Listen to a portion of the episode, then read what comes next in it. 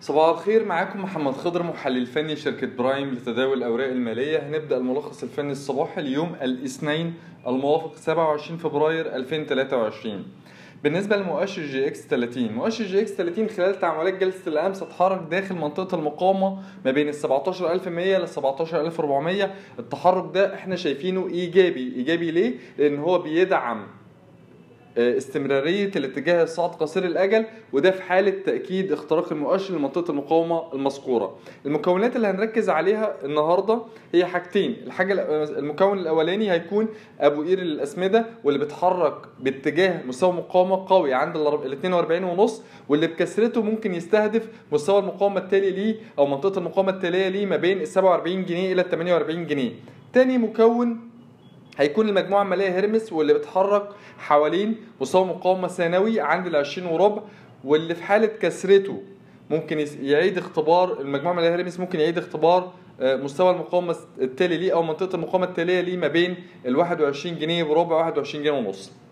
بالنسبة لي مؤشر EGX 70 مؤشر EGX 70 تداول جلسة الأمس أعلى مستوى المقاومة عند ال 3020 وده بيزود من فرص استهداف مستوى المقاومة التالي الرئيسي عند 3070 مكونات اللي هنبص عليها خلال تعامل جلسة النهاردة هم اتنين.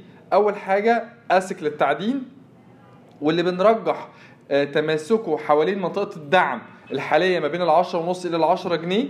حطيناه في تقريرنا الفني اليومي تيك توك مع توصية بالشراء توصية مدى قصير. مستهدف يكون عند ال 12 جنيه وقف الخسارة يكون عند التسعة ونص. تاني مكون هو زهراء المعادي اللي بنرجح انتهاء موجة التصحيح الحالية حوالين مستوى الدعم عند الخمسة جنيه وربع. حطيناه في تقريرنا الفني اليومي تيك توك مع توصية بالشراء. توصية مدى قصير. مستهدف يكون عند الستة جنيه. وقف الخسارة يكون عند الأربعة جنيه سبعين قرش. شكرا.